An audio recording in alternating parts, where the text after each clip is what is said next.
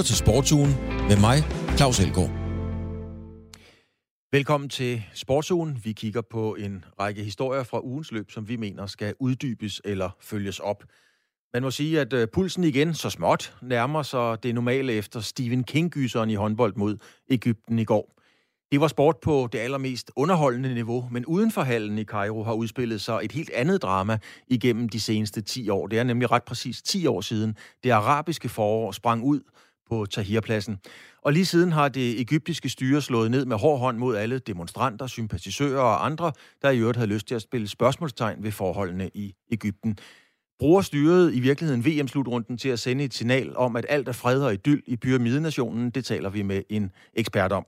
Vi skal også tale om håndbold, badminton og ikke mindst NFL og Super Bowl. Det her er min stemme, så jeg må være Claus Elgaard. Årets deltager i hvad der kaldes verdens største enkelstående sportsbegivenhed Super Bowl er blevet fundet. I sæsonfinalen i NFL, altså det amerikansk fodbold, skal de regerende mestre fra Kansas City Chiefs møde Tampa Bay Buccaneers. Selve kampen og begivenheden kommer vi tilbage til senere, når vi skal tale med forfatteren til en ny bog om amerikansk fodbolds historie. Først skal vi beskæftige os med en af de helt store, ikke bare i denne her kamp, ikke bare i amerikansk fodbold, men i alt amerikansk sport generelt. Alle tiders mest vindende amerikanske fodboldspiller, quarterbacken Tom Brady, står i sin karriere sene vinter i sin 10. Super Bowl med mulighed for at vinde sin 7. Super Bowl ring. Det er sådan et fysisk bevis på, at man faktisk har vundet mesterskabet. Dan Grønbæk tegner her et portræt af spilleren, og ikke mindst ikonet Tom Brady, der måske er et af verdens allerstørste sportsnavne. Personligt husker jeg jo klart Tom Brady bedst fra Super Bowl 36 jeg er jo lidt sindig nok til at forudsige, at Tom Brady og New England Patriots kan besejre the greatest show on turf i form af St. Louis Rams og Kurt Warner.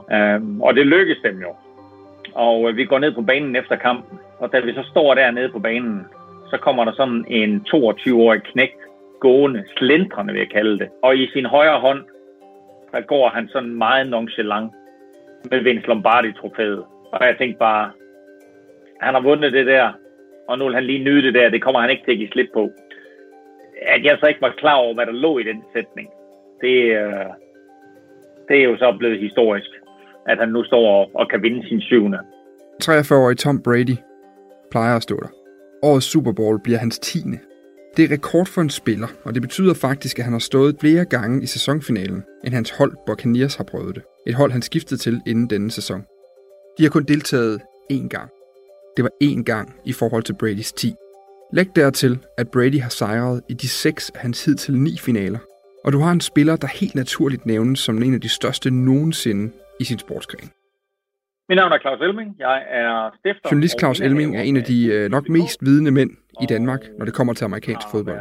Hver eneste uge under sæsonen dækker han alle kampe for NFL-podcasten NFL-showet og for sit eget NFL-medie på internettet gulklud.dk crazy familie, der et stopfodrer mig med NFL, og også to tvang mig til at være Minnesota Vikings-fan. Og det har jeg jo fortrudt mange gange, men elsket lige så mange gange.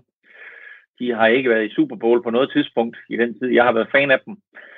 Og de har aldrig vundet en, og det hænger jo som et tungt å over dem, og øh, vil altid gøre det indtil de endelig vinder en. Øh, og frygten vi alle sammen har er jo selvfølgelig, at de kommer i en femte Super Bowl og taber igen. Det er jo et øh, spørgsmål om at komme til den Super Bowl, og det er jo de færreste fundet. Der er visse spillere, der endnu engang får en slutspilskamp, og der er masser af spillere, som aldrig får muligheden for at komme i en Super Bowl. Og derfor er det også helt insane, at Tom Brady nu står i sin tiende. Thomas Edward Patrick Brady blev født i San Mateo i Kalifornien i 1977. Han voksede op i en middelklassefamilie og var hele vejen igennem sin high school år en dygtig sportsmand i det hele taget. Han sagde faktisk nej til muligheden for at spille professionel baseball i 1995, for i stedet at spille amerikansk fodbold på universitetet i Michigan. Brady, corner blitz, middle's open, reaches for the touchdown. Michigan er en rigtig god skole, men Tom Brady er jo kun tredje quarterback. Øh, og det er jo kun i sit sidste år på college, at han bliver starter. Og derfor, du ved, så er der heller ikke rigtig nogen, der sådan tænker over det. Øh, og godt nok, så er der, der kommet fine quarterbacks ud af, af, af Michigan. Tom Brady er der ikke rigtig nogen, som bekymrer sig om. Først i sit femte år på universitetet der ledte Brady sit hold til en sejr i en af de mange finalekampe i amerikansk collegefodbold som startende quarterback og kaptajn. I wasn't worried. I mean, I knew we weren't going to lose this game, and, and you know, I was telling everyone, you know, we're not going to lose this game. And, Efter sejren i Orange Bowl i år 2000 trådte Tom Brady ind i NFL-draften. Det er en pulje af de bedste universitetsspillere, som NFL-holdene så på skift stikker hånden ned i og vælger fra første vælger, som du kender det fra skolegården egentlig, bortset fra at den dårligste fra den foregående sæson altid vælger først, og Super Bowl-vinderen vælger til sidst. Er er sådan en spiller, som, som Patriots vælger i 6. runde der i år 2000, og hans selvtillid er på størrelse med alle andres øh, manglende kendskab til ham. Fordi han tror på, at det her det kan lade sig gøre. Brady har tidligere fortalt, hvordan han overvejede at købe et hus allerede inden han var sikker på en plads i truppen hos Patriots. En selvtillid og en stålfast sejrsvilje, som igennem hele karrieren har kendetegnet Brady, og som ejeren af New England Patriots fornemmede allerede første gang han mødte ham. This skinny beanpole of a young man walked over to me and said, Hi Mr. Kraft, I want to introduce myself. I'm Tom Brady. I said, I know who you are. You're our six round draft choice. And I always remember he looked me like a laser eye to eye, and he said, That's right, and I'm the best decision this organization has ever made. Og alle andre, de skænker ham ikke en tanke. Så det er jo alles kæmpe overraskelse, at Bill Belichick lige pludselig vælger at gøre ham der øh, 6. runde picket fra sidste år til starten af quarterback. Brady blev i New England matchet med træneren Bill Belichick, der også regnes for en af de største trænere i NFL's historie og det match skabte et sejrsdynasti for Boston-holdet. Men hvad er det så, den ellers sådan relativt middelmådige universitetsquarterback egentlig er eller blev så god til? For at forstå det, så skal man først forstå hans position. Fra amerikansk engelsk quarterback. Quarterbacken. Er quarter, kvart og back bag, fordi spilleren er placeret mellem forwards og halfbacker. Når det så er sagt, så er der ikke nogen position i sport på noget niveau, der er lige så svært at spille som det er at spille quarterback. Først og fremmest er det selvfølgelig holdsleder. Uh, øh, han, er, han er trænerens forlængede arm på banen, og han er også øh, spilstyren for de andre 10, der er på angrebet. Mange de ser kun øh, alt, det, alt det glorificerede ved at være quarterback. Det er ham, der tjener flest penge. Det er ham, der har den lækreste kæreste. Det er ham, der har den fedeste bil. Det er ham, der har det største hus. Det er ham, som er på forsiden af de kulørte blade. Men det, man ikke tænker på, det er, at når det går godt, så er du helten. Når det går skidt, så er det dig, der er skurken. Og efter sådan en kamp eller efter en sæson, så har du ondt i samtlige knogler, muskler, led, øh, og i visse tilfælde også øh, i, i, i, hvad hedder det, hovedet og de hjernerystelser, der måtte følge med. Det er en fuldstændig vanvittig brutal sport, det her. Og quarterback-positionen er en af de mest udsatte. Brady in trouble. Here comes the rush, and here's the hit. Oh, and alive.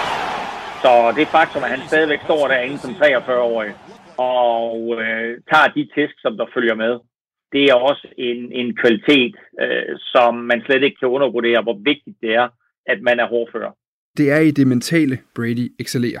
Han er stadig hverken den stærkeste, den hurtigste eller den mest ekstraordinære kastearm i ligaen.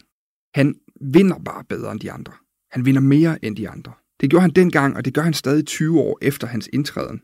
Bradys vindermentalitet er som alle de andre top quarterbacks på et, et helt unikt niveau. Men det han så også har, det er, at når han under pres, og når alle andre måske vil være villige til at kaste håndklædet i ringen, så har han lige et ekstra gear. Og det blev allerbedst bevist i Super Bowl 51 imod Atlanta Falcons, hvor hans hold var nede 28-3, og de alligevel på en eller anden måde får hævet et vanvittigt comeback op af posen.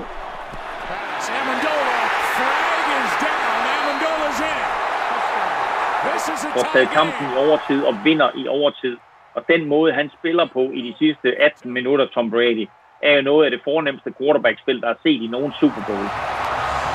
Don't ever count Tom Brady out. Best ever. Best ever in my book. I said it this Og det er stadig gældende. Også selvom Brady i dag er 43 og en af de ældste i et spil, der slider og gnaver og grinder, som man siger på amerikansk, på spillernes fysik med dets brutalitet og voldsomme taklinger. Brady er selvfølgelig stadigvæk en top quarterback. Han er ikke på niveau med, med Patrick Mahomes, eller måske endda Josh Allen eller Aaron Rodgers. Men han er stadigvæk der, hvor hans erfaring og hans evne til at tage de rigtige beslutninger, til at få sine holdkammerater i de rigtige positioner, til at vide, hvornår der skal trykkes på gaspedalen, og hvornår man kan tillade sig at slappe af, det er noget, du kun får ved at have spillet meget, og ved at være øh, en rigtig, rigtig klog og dygtig quarterback også. Uanset hvad, er Brady umulig at komme udenom, når det gælder samtalen om de største spillere i sporten nogensinde. Han er et stadig spillende ikon. En underdog-historie, som kun virkeligheden kan skrive dem med en vis portion troværdighed intakt. Spørgsmålet er, om han i sit tiende forsøg skal tage sin syvende sejrsring i Super Bowl. Kampen spilles på hans nye hjemmebane i Tampa, Florida, mod det måske mest suveræne fodboldhold i de her år, Kansas City Chiefs.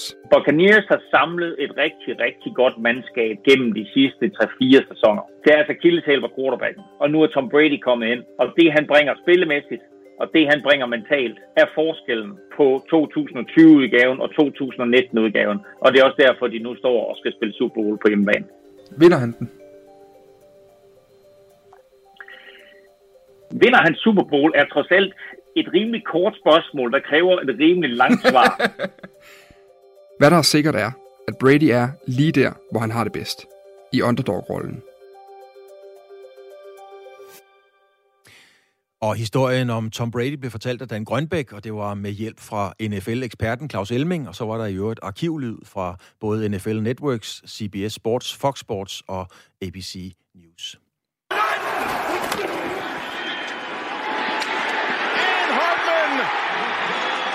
gets the touchdown as he continues to try to atone for an earlier mistake.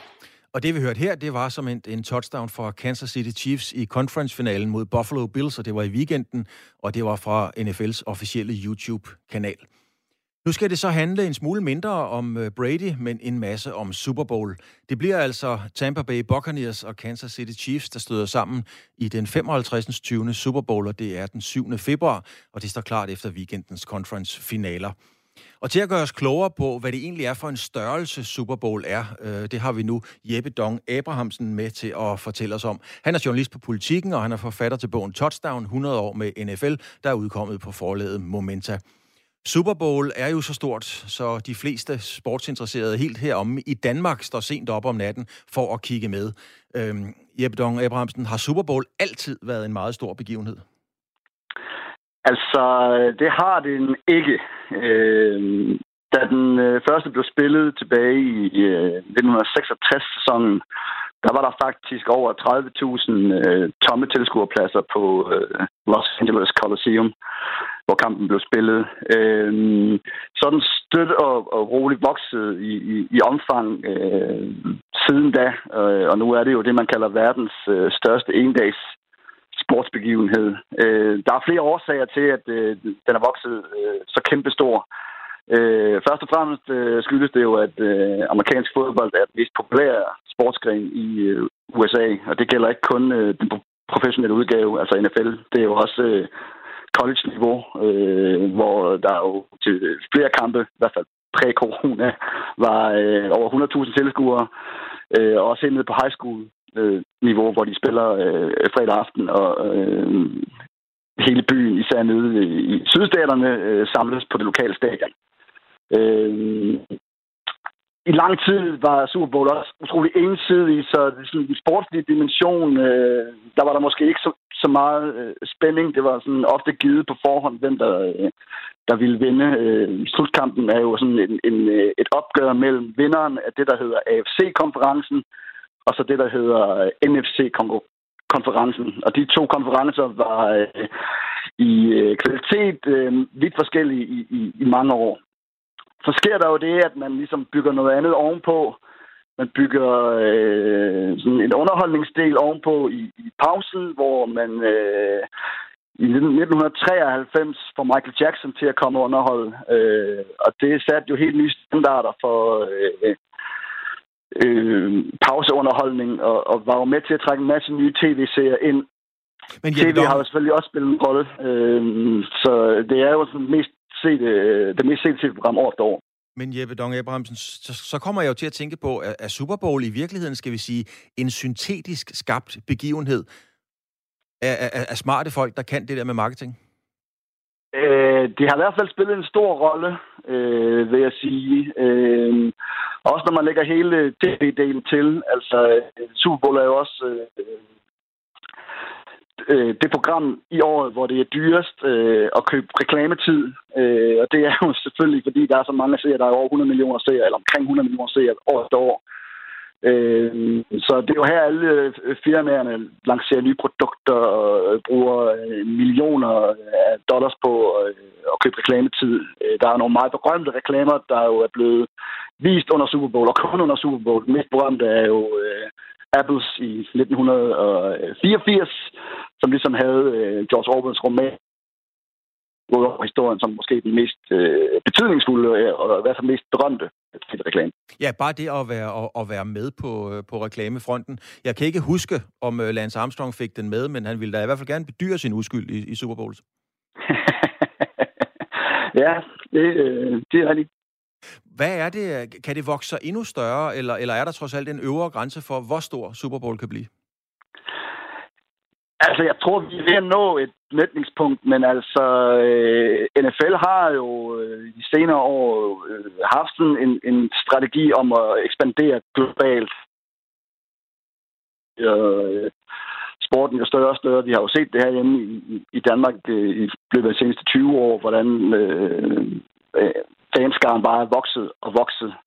Øh, så der vil altid være grobund for, at sporten kan vokse endnu større. Men altså sådan, i for, sådan ser på det amerikanske marked, så, så, så tror jeg, at den har noget øh, øh, sindssygt men hvad er det, der tryllebinder og fascinerer især amerikanerne ved det her? Fordi man kan sige, at den amerikanske drøm i sport er jo sådan meget symboliseret ved bokserne, der slår sig ud af ghettoen og bliver, og bliver verdensmester.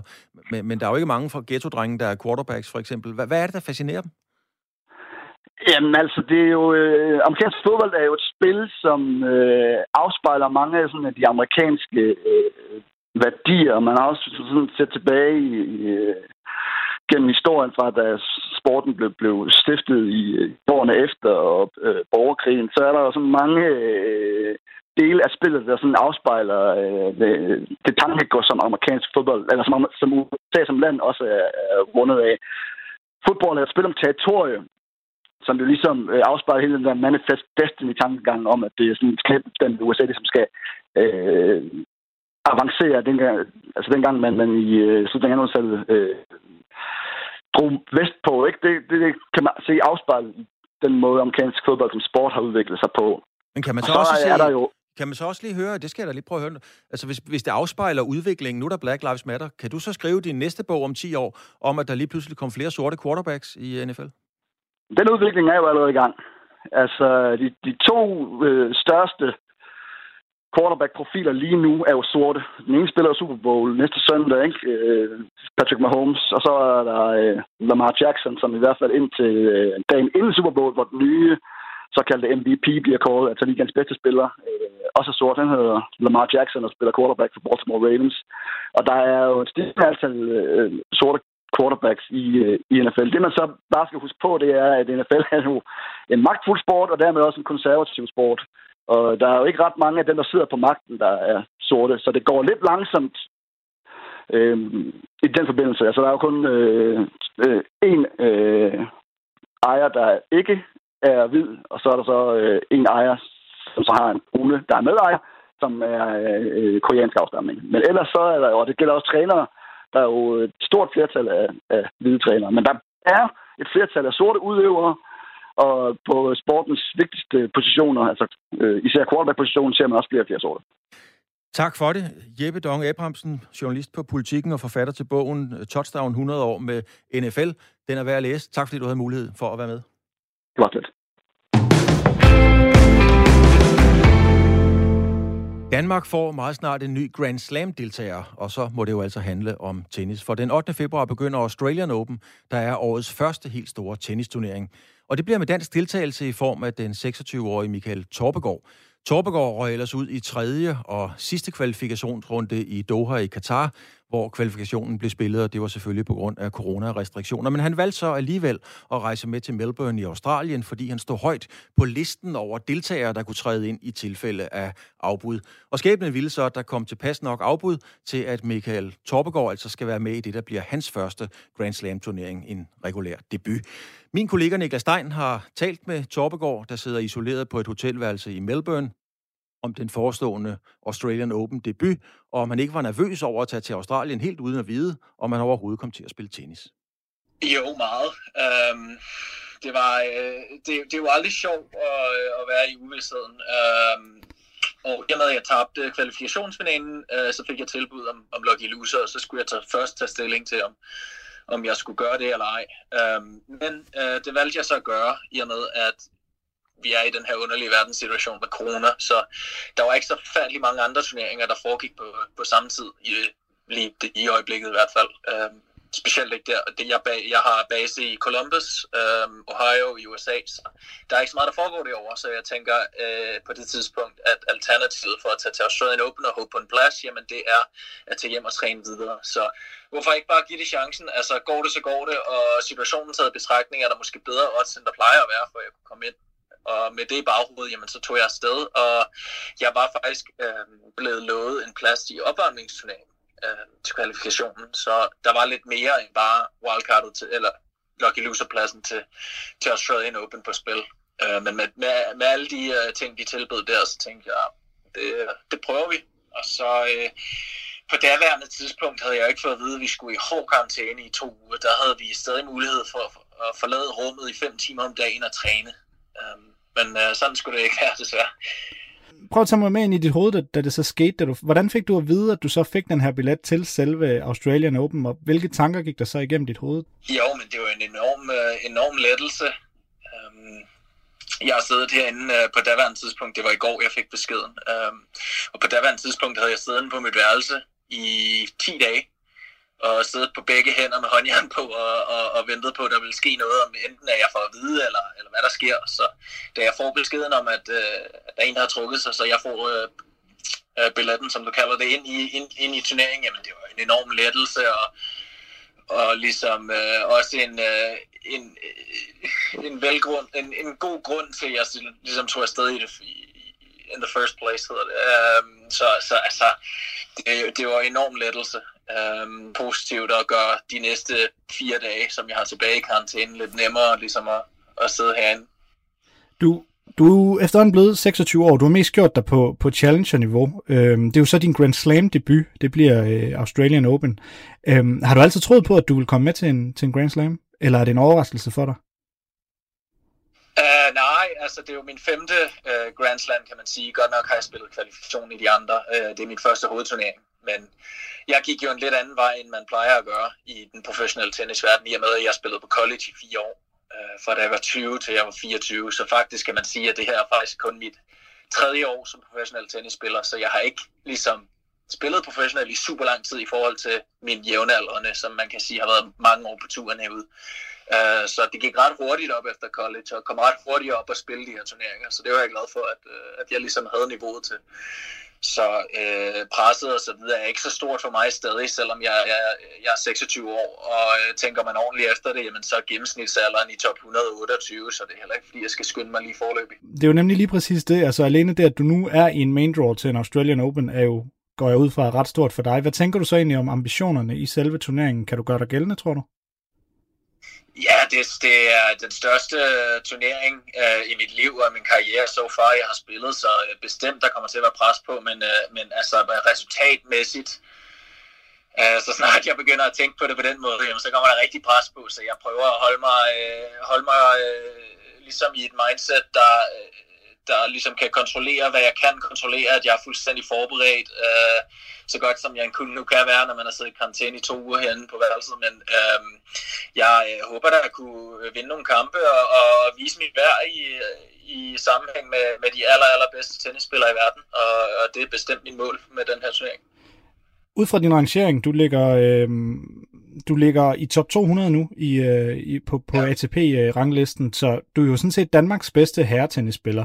Øh, men du er også lidt inde på det selv, og jeg vil også våge den posten, at jeg tror, det er de færreste danske sportsinteresserede, der egentlig kender dig særlig godt, netop fordi du har taget den her tur over USA, øh, hvor du selvfølgelig også har hjemme øh, på daglig basis. Prøv lige at forklare mig, hvem er øh, Michael Torbegaard egentlig? Nej, du har helt ret. Der er ikke særlig mange, der, øh, der kender mit navn tilbage. Øh, når man tænker tennis, så er det hurtigt Holger Rune og Tausen, og meget velbegrundet, fordi de gør det også godt. Øh, og jeg ved det, men jeg valgte jo turen til college, som er meget atypisk tennisspiller. på den professionelle ligesom, vandretur. Man kan sige det sådan. Men, men udover det, jamen, øh, hvem er min Torgård? Øh, over øh, øh, ligesom det, jeg har, jeg har leveret de seneste to år, jamen, så kan jeg godt forstå, at folk ikke kender mig. Øh, jeg prøver ligesom at, at, at gøre, mig, øh, gøre mig godt øh, højst rangeret, i og med, at, at jeg er den højst rangerede dansker i, øh, i tennisverdenen, jamen så, øh, så håber jeg, at folk vil lære mig at kende her snart. Altså, jeg, øh, jeg prøver at, at, at gøre mig selv kendt med mine resultater, og der er det her en kanon start i år øh, til Australian Open osv., så, videre, så øh, det er lækkert at få noget, øh, noget mediedækning og, og nogle folk, der ligesom vil, vil interessere mig øh, hjemmefra fra, øh, for den her rejse, jeg er på lige nu op til top 100, for jeg håber på at kunne slå igennem top 100 i, i år, og, og, og ligesom at, at tage folk, øh, specielt danskere, med på den rejse, og håbe, at, øh, at folk de ligesom vil holde, mig med, øh, holde med mig hjemmefra.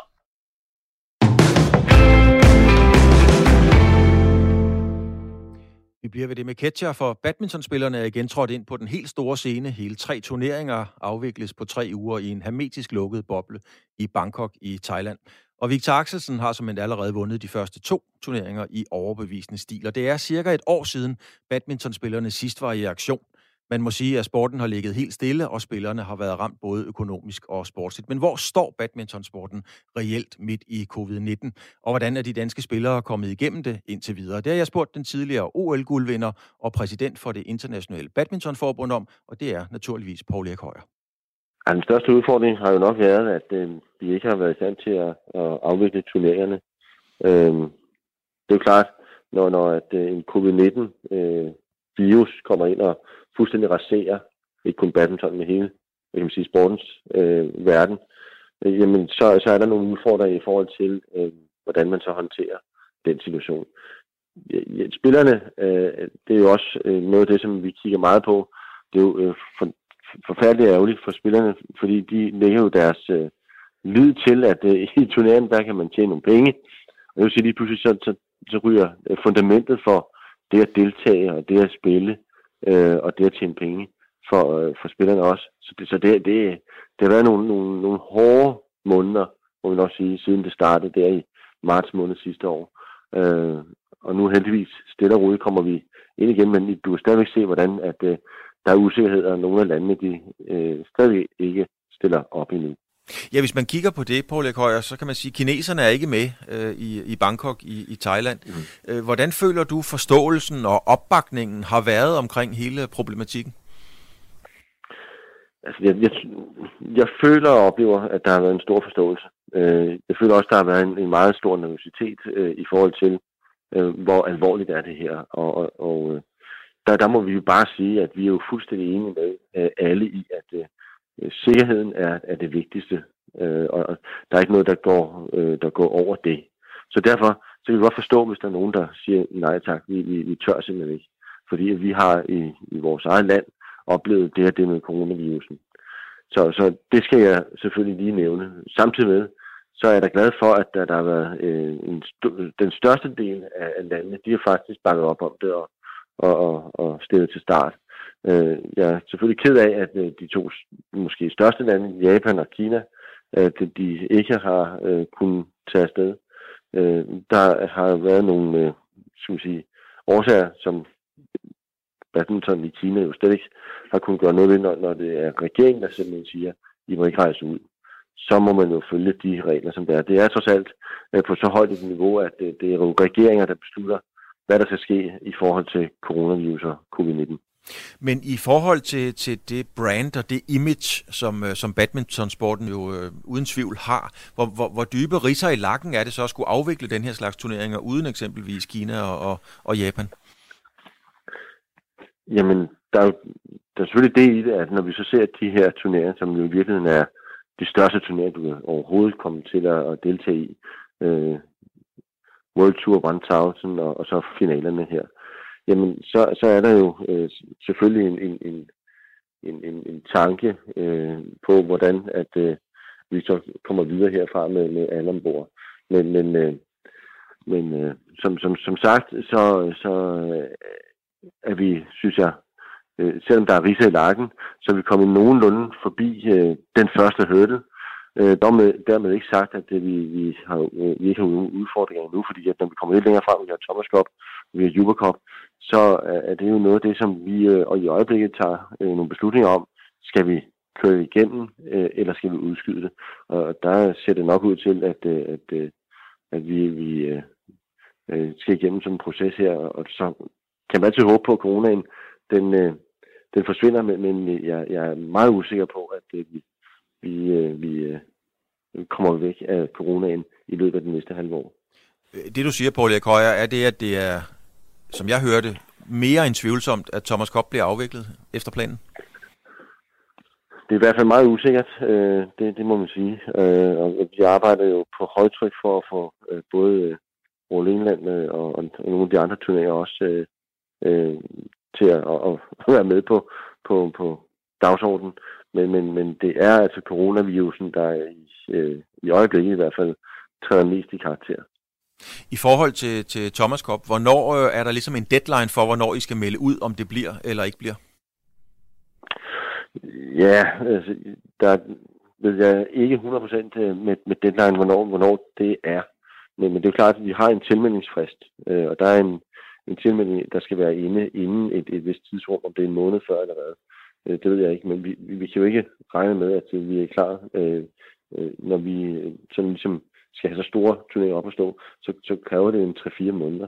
Så det er jo inden for nær fremtid, at vi tager de her beslutninger. Og hvis jeg spørger dig meget direkte, Paul Erik Højer, tror du i talende stund på, at Thomas Kopp bliver afviklet i Danmark efter planen? Jeg vil hellere sige, at det, ser meget sort ud. Med, øh, og, og det, men, men, men ja, øh, vi, vi selvfølgelig gør alt, hvad vi kan for at øh, få det her til at lykkes, men, men øh, sandsynligheden er meget lille. Hvis vi kigger på det sportslige, Paul Erik Højer, og lad os kigge på, på Victor Axelsen. Han har vundet de to første turneringer derude, uden at kigge sig tilbage. Der var lige en lille mm. smule vaklen i et enkelt sæt, men, men ellers har det været ret suverænt. Hvor god er Victor lige nu i forhold til, da han var allerbedst? Jeg synes, Victor har spillet noget af det bedste badminton, øh, jeg har set øh, meget længe, og øh, øh, hans niveau, øh, det, det er simpelthen øh, højnet her over den sidste periode. Jamen, det er, fordi han er blevet far. Det kunne jeg godt forestille mig, at han måske har fået sat lidt mere perspektiv og blevet lidt mere moden. Øh, fordi jeg synes virkelig, at, at han, han spiller et, et meget, meget fornuftigt spil, som, som er modent, og, og, og som, som jeg ser, at han selvfølgelig godt kan forbedre, men, men, men øh, han er ved at være der, øh, hvor det er øh, så sublim, som det overhovedet kan være. Øhm, og, og der bliver det jo selvfølgelig spændende, om han så også skal slå Momota. Ja, hvor står han i forhold til Momota? Det er jo pokkers ærgerligt og irriterende, både for, for danstræneren Kenneth Jonasen, men også for Victor, at han hele tiden vil blive spurgt om Momota. Han er der jo ikke, så vi kan, han kan ikke møde Nej. ham. Men, men hvor Nej, står han det. i forhold til ham, som du ser det? Jamen altså, jeg, jeg synes, at det, det som øh, vi øh, i virkeligheden ser mod øh, Genting øh, i går for eksempel, øh, derude øh, i Thailand, hvor han meget, meget overbevisende øh, vinder andet sæt, fordi han i virkeligheden har brugt øh, enormt meget energi på at øh, køre ham rundt i første sæt øh, og, og spille med ham. Øh, det er, at nu, nu tør han måske at lægge en, en, en taktik, der, der også går ind og rammer på fysikken. Og det der, jeg har måske oplevet øh, noget, der har manglet lidt øh, hos, hos Victor, men, men, men øh, det, jeg har oplevet her de sidste to turneringer, det er, at han er ikke så bange for i virkeligheden at møde trætheden. Og, det, det der er, er, tror jeg, er meget afgørende i forhold til hans videreudvikling, det er, at han tør møde sin egen øh, fysiske øh, skal sige, øh, udholdenhed, og at, øh, han, øh, øh, at han tror på, at han kan komme igen, selvom at det her det går ondt, selvom det her det er noget, der, der virkelig er, er, er udmavende, så, så kan han det. Og, og når han overbeviser sig selv om det, og han kan sætte sig ind i det, øh, og overvinde den her træthed, så jeg synes, han har, har gjort det meget mesterligt her, jamen så bliver han verdensmester. Og slår en Momota.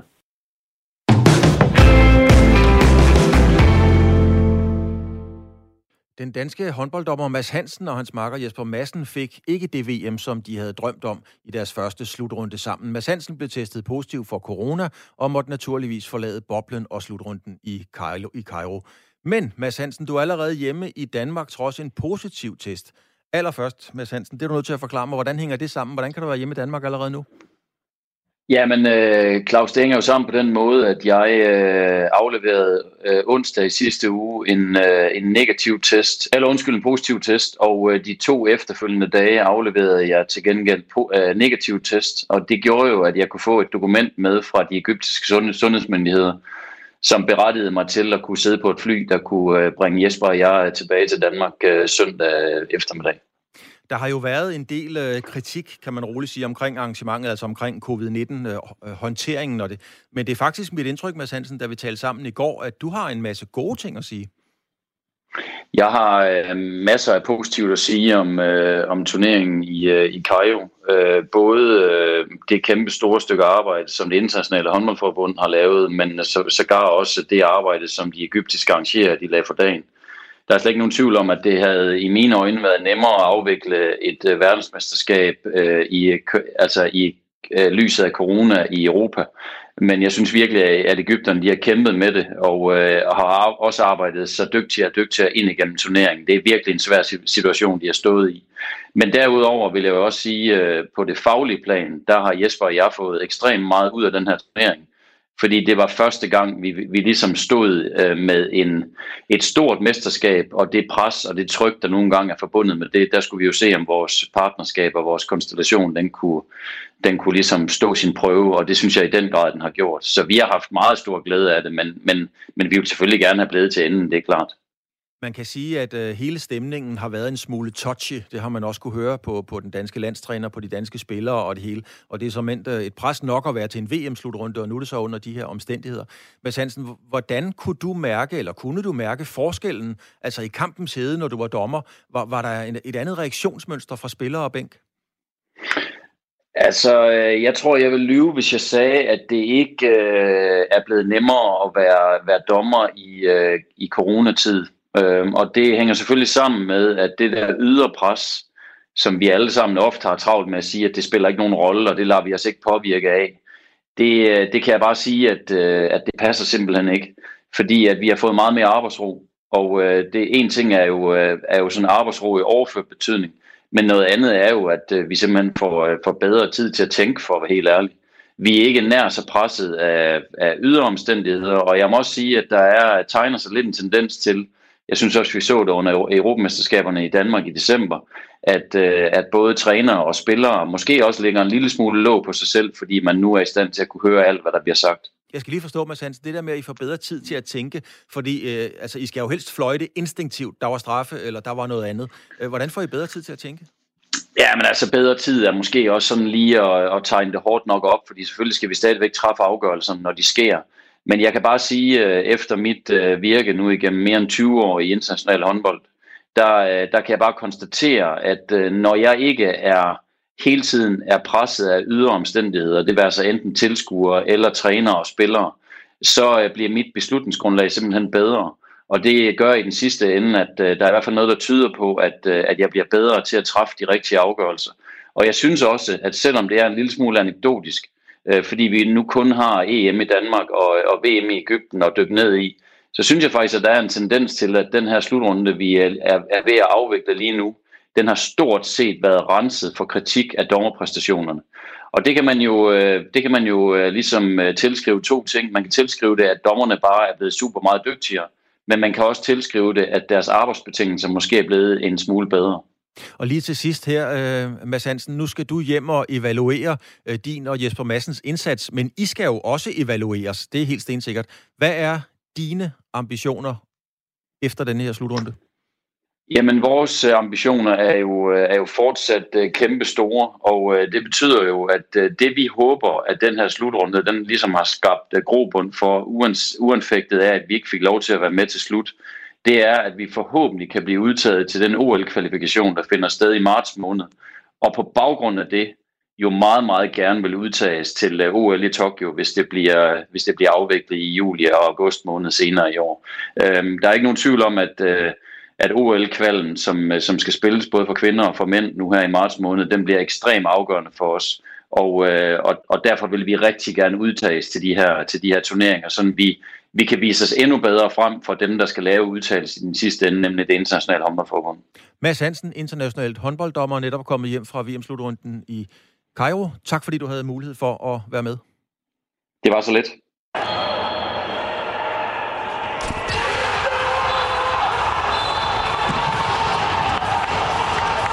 Sådan her lød det i aftes, da Lasse Svand scorede på det afgørende straffekast, og sikrede Danmark en sejr over Ægypten. Og lydklippet her, det var fra håndbold-VM's øh, YouTube-kanal. Danmark er nemlig videre til semifinalen ved håndbold-VM i Ægypten med en sejr over værtsnationen, men det var bestemt ikke uden bump på vejen. Faktisk skulle der noget af drama, forlænget spilletid og sågar straffekast til, før Danmark kunne være sikker på en billet til semifinalen.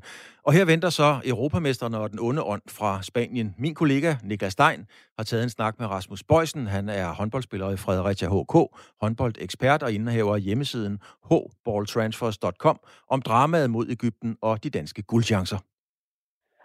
Uha, jamen det er jo svært at beskrive med ord, men jeg skal da forsøge.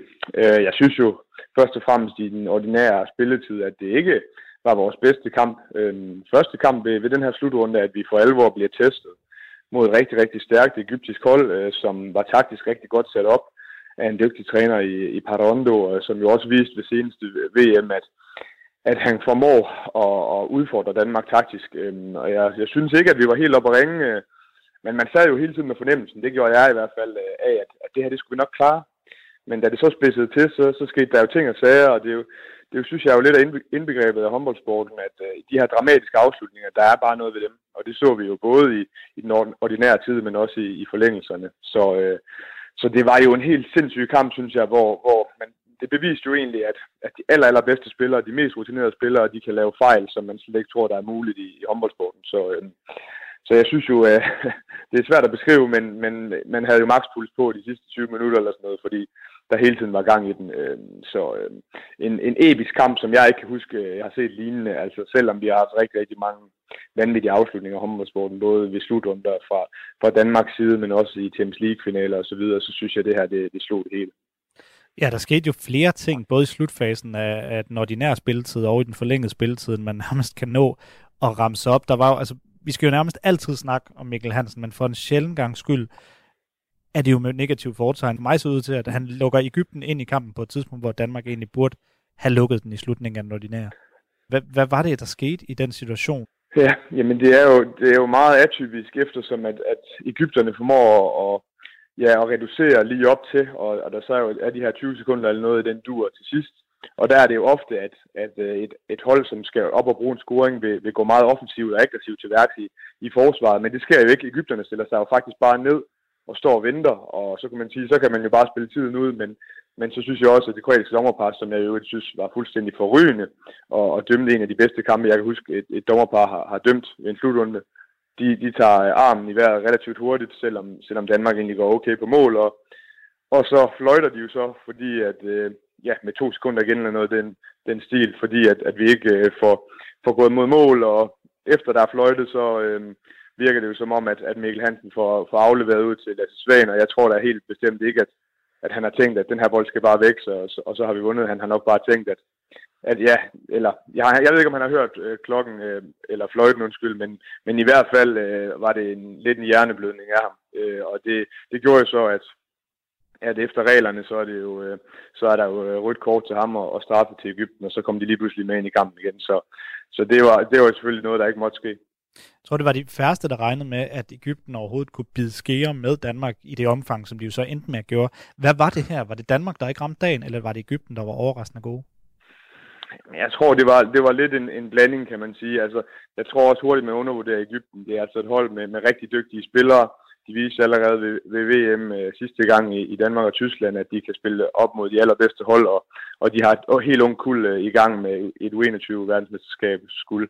Så øh, det er ikke et hold, man skal undervurdere. De har, de har en rigtig god fysik, og de har nogle, nogle rigtig dygtige spillere, der spiller helt på top. Øh, og så fik de jo en rigtig fin start, som jeg tror var rigtig vigtig for dem.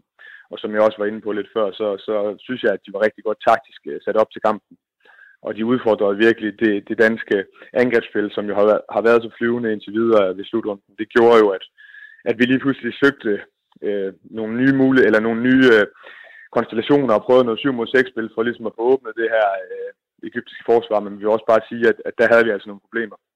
Og offensivt spillede de jo rigtig, rigtig lange angreb. De fik spillet kampen på deres præmisser, øh, spillede ind til passivkendelsen kom op, og så var der rigtig mange gange, hvor man, man troede, man havde styr på dem, og så fik de lige aller sidste øjeblik øh, smidt bolden ind.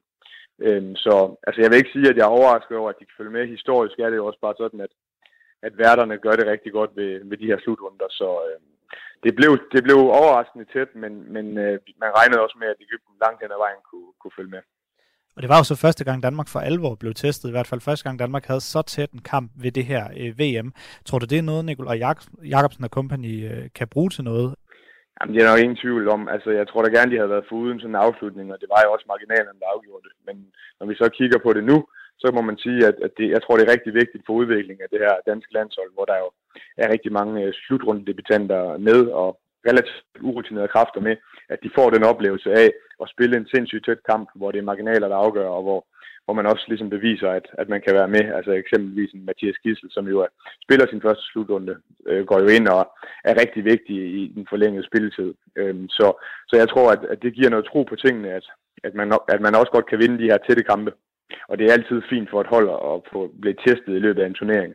Det havde været rigtig fint at, at få en af de tests øh, lidt tidligere, men, men nu fik man så i den her kvartfinale, og det gik, så det var jo rigtig fint.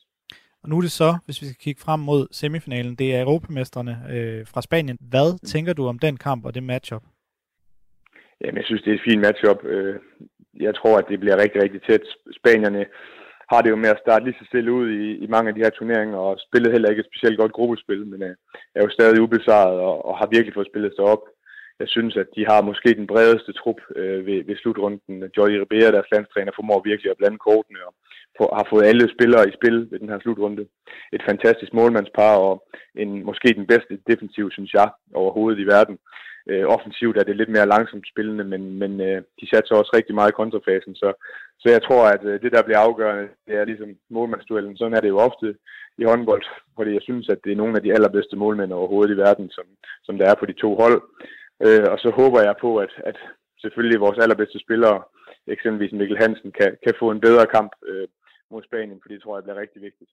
Det bliver fuldstændig stensikkert rigtig vigtigt, hvordan øh, Mikkel Hansen han agerer netop i den kamp. Ægypten er altså vært for VM i herrehåndbold, og der er ingen tvivl om, at det er et prestigeprojekt for præsidenten for det internationale håndboldforbund, den kontroversielle Ægypter, Hassan Mustafa. Men hvad kan Ægypten som nation bruge sådan en slutrunde og udstillingsvindue til? Ægypten har været plaget af uro, terror og ustabilitet igennem årene, og Ægypten havde også en hovedrolle i det arabiske forår, da tusindvis af demonstranter 25. januar 2011 lavede oprør i Kairo. Demonstranterne protesterede mod arbejdsløshed, landets fødevarepriser og krævede et oprør med Hosni Mubaraks styre og efter deres opfattelse udbredte brug af korruption, politibrutalitet og undertrykkelse af ytringsfrihed. Det er altså den bane, der spilles på uden for håndboldhallen, og Helle Lykke Nielsen, lektor i Mellemøststudier Syddansk Universitet. Hvad kan Ægypten bruge sådan en VM-slutrunde til? Jamen, det kan regimet jo bruge til at signalere øh, stabilitet og sikkerhed, som du sagde, øh, på den, hvad skal man sige, sådan det mere generelle billede af Ægypten over for omverdenen. Men jeg tror mere præcis, så, øh, så har regimet en meget klar øh, coronadagsorden her i forbindelse med VM, ikke? Øh, fordi de har jo valgt, i modsætning til andre sportsarrangementer, har de jo valgt ikke at aflyse eller udskyde, men at, øh, at, af, at afvikle det.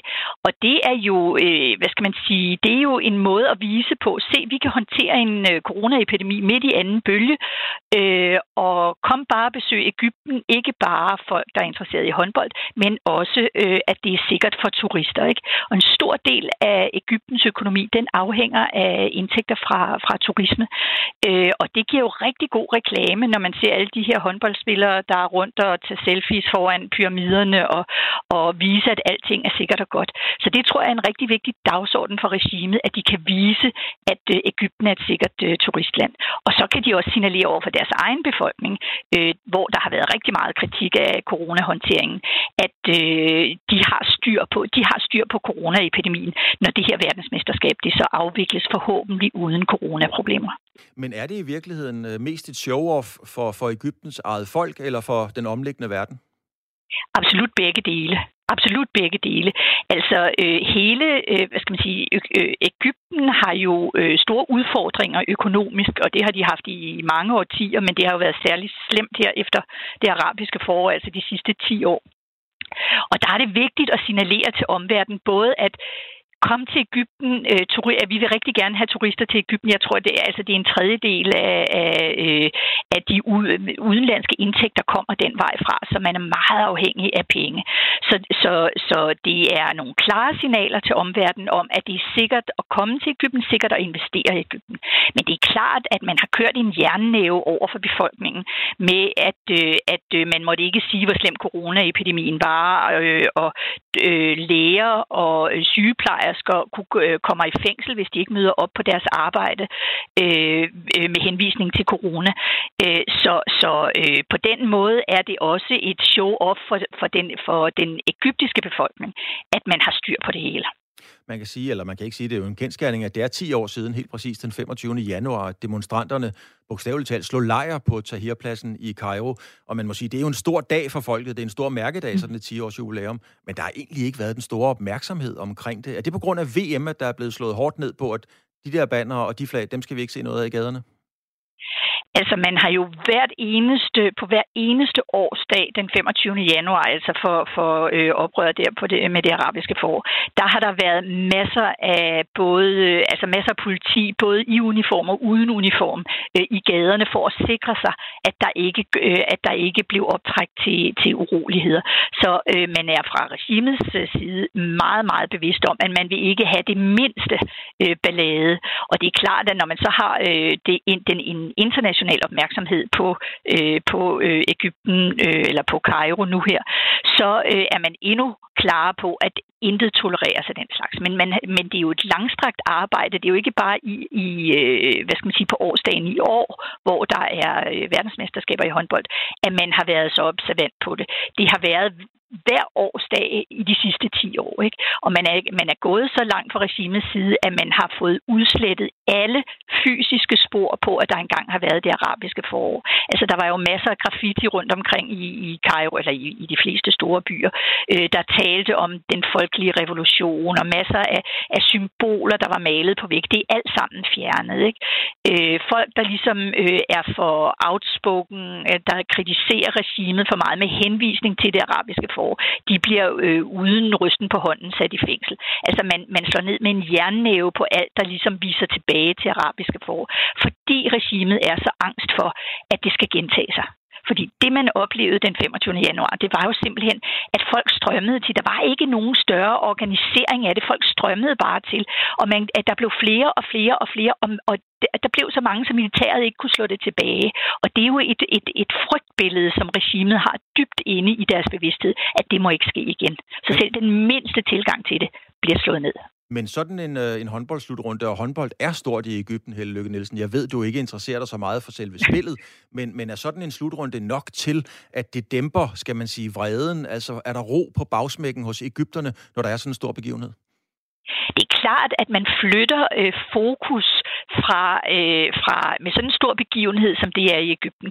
Der flytter man noget af fokus fra den politiske utilfredshed over til noget andet, der har underholdningsværdi, der er spænding, der også har en, der også spiller en rolle i sådan den nationale selvforståelse af, at Ægypten kan godt klare sig, ligesom fodbold også spiller en vigtig rolle i Ægypten. Ikke? Altså, så det er klart, det at flytte fokus fra den politiske utilfredshed over til noget, der har underholdningsværdi og øh, national betydning, det er da et meget effektivt træk af, af, af regimet at kunne, at kunne bruge det. Et stort spørgsmål. Du har cirka et, et minut til det, Helle Lykke Nielsen. Altså, der er jo kommet et begreb, der hedder sport washing. Man kender det fra Rusland og Hvide Rusland, hvor man får sporten øh, til at få noget, der ikke er så pænt, til at se pænt ud. Er det noget, tror du, vi ved det også, det foregår i Katar, men er det noget, vi vil komme til at se mere af i Mellemøsten? Ja, det tror jeg helt sikkert ikke, fordi det ligger jo til alle, øh, alle øh, autoritære regimer og diktaturer, at de bruger ofte sport øh, og sportsaktiviteter øh, til at tjene deres egne politiske interesser. Og det kan vi jo også se her ved, øh, ved øh, verdensmesterskaberne i håndbold. Og vi kommer til at se det i Katar, og det er noget, som alle autoritære regimer de spiller med. Fik du set håndboldkampen i går? Lige det sidste, det var frygtelig spændende. Det var frygtelig spændende, selv for en som mig, der ikke har så meget forstand på, øh, på selve spillet. Ja, det må jeg sige. Det er ja, noget af det mest spændende, jeg har været med til. Ja, fordi mm. at, øh, da vi talte sammen, der, der var det vigtigt for dig at sige til mig, at selve håndbolden havde du måske ikke så meget indblik i, men, men øh, du må medgive, at, øh, Altså, det var spændende, ikke? Er vi ikke enige om det? jo, i den grad. Det er, altså, det er noget, der kan få mig til at blive hugt på håndbold fremadrettet, det må jeg sige. tak skal du have. Helle Lykke Nielsen, lektor, Center for Mellemøststudier og jo også en Ph.D. Tak fordi du øh, gav os et øh, indblik i forholdene i Ægypten her under øh, VM-slutrunden i håndbold. Selv tak. Og så når vi ikke mere i dag. Vi har været omkring amerikansk fodbold, vi har været omkring håndbold, og så har vi også været omkring en dansker, der altså skal debutere i Grand Slam. Torpegård, en ret stor bedrift for en ret ukendt dansker. Nu kommer der noget helt andet, nemlig nyheder.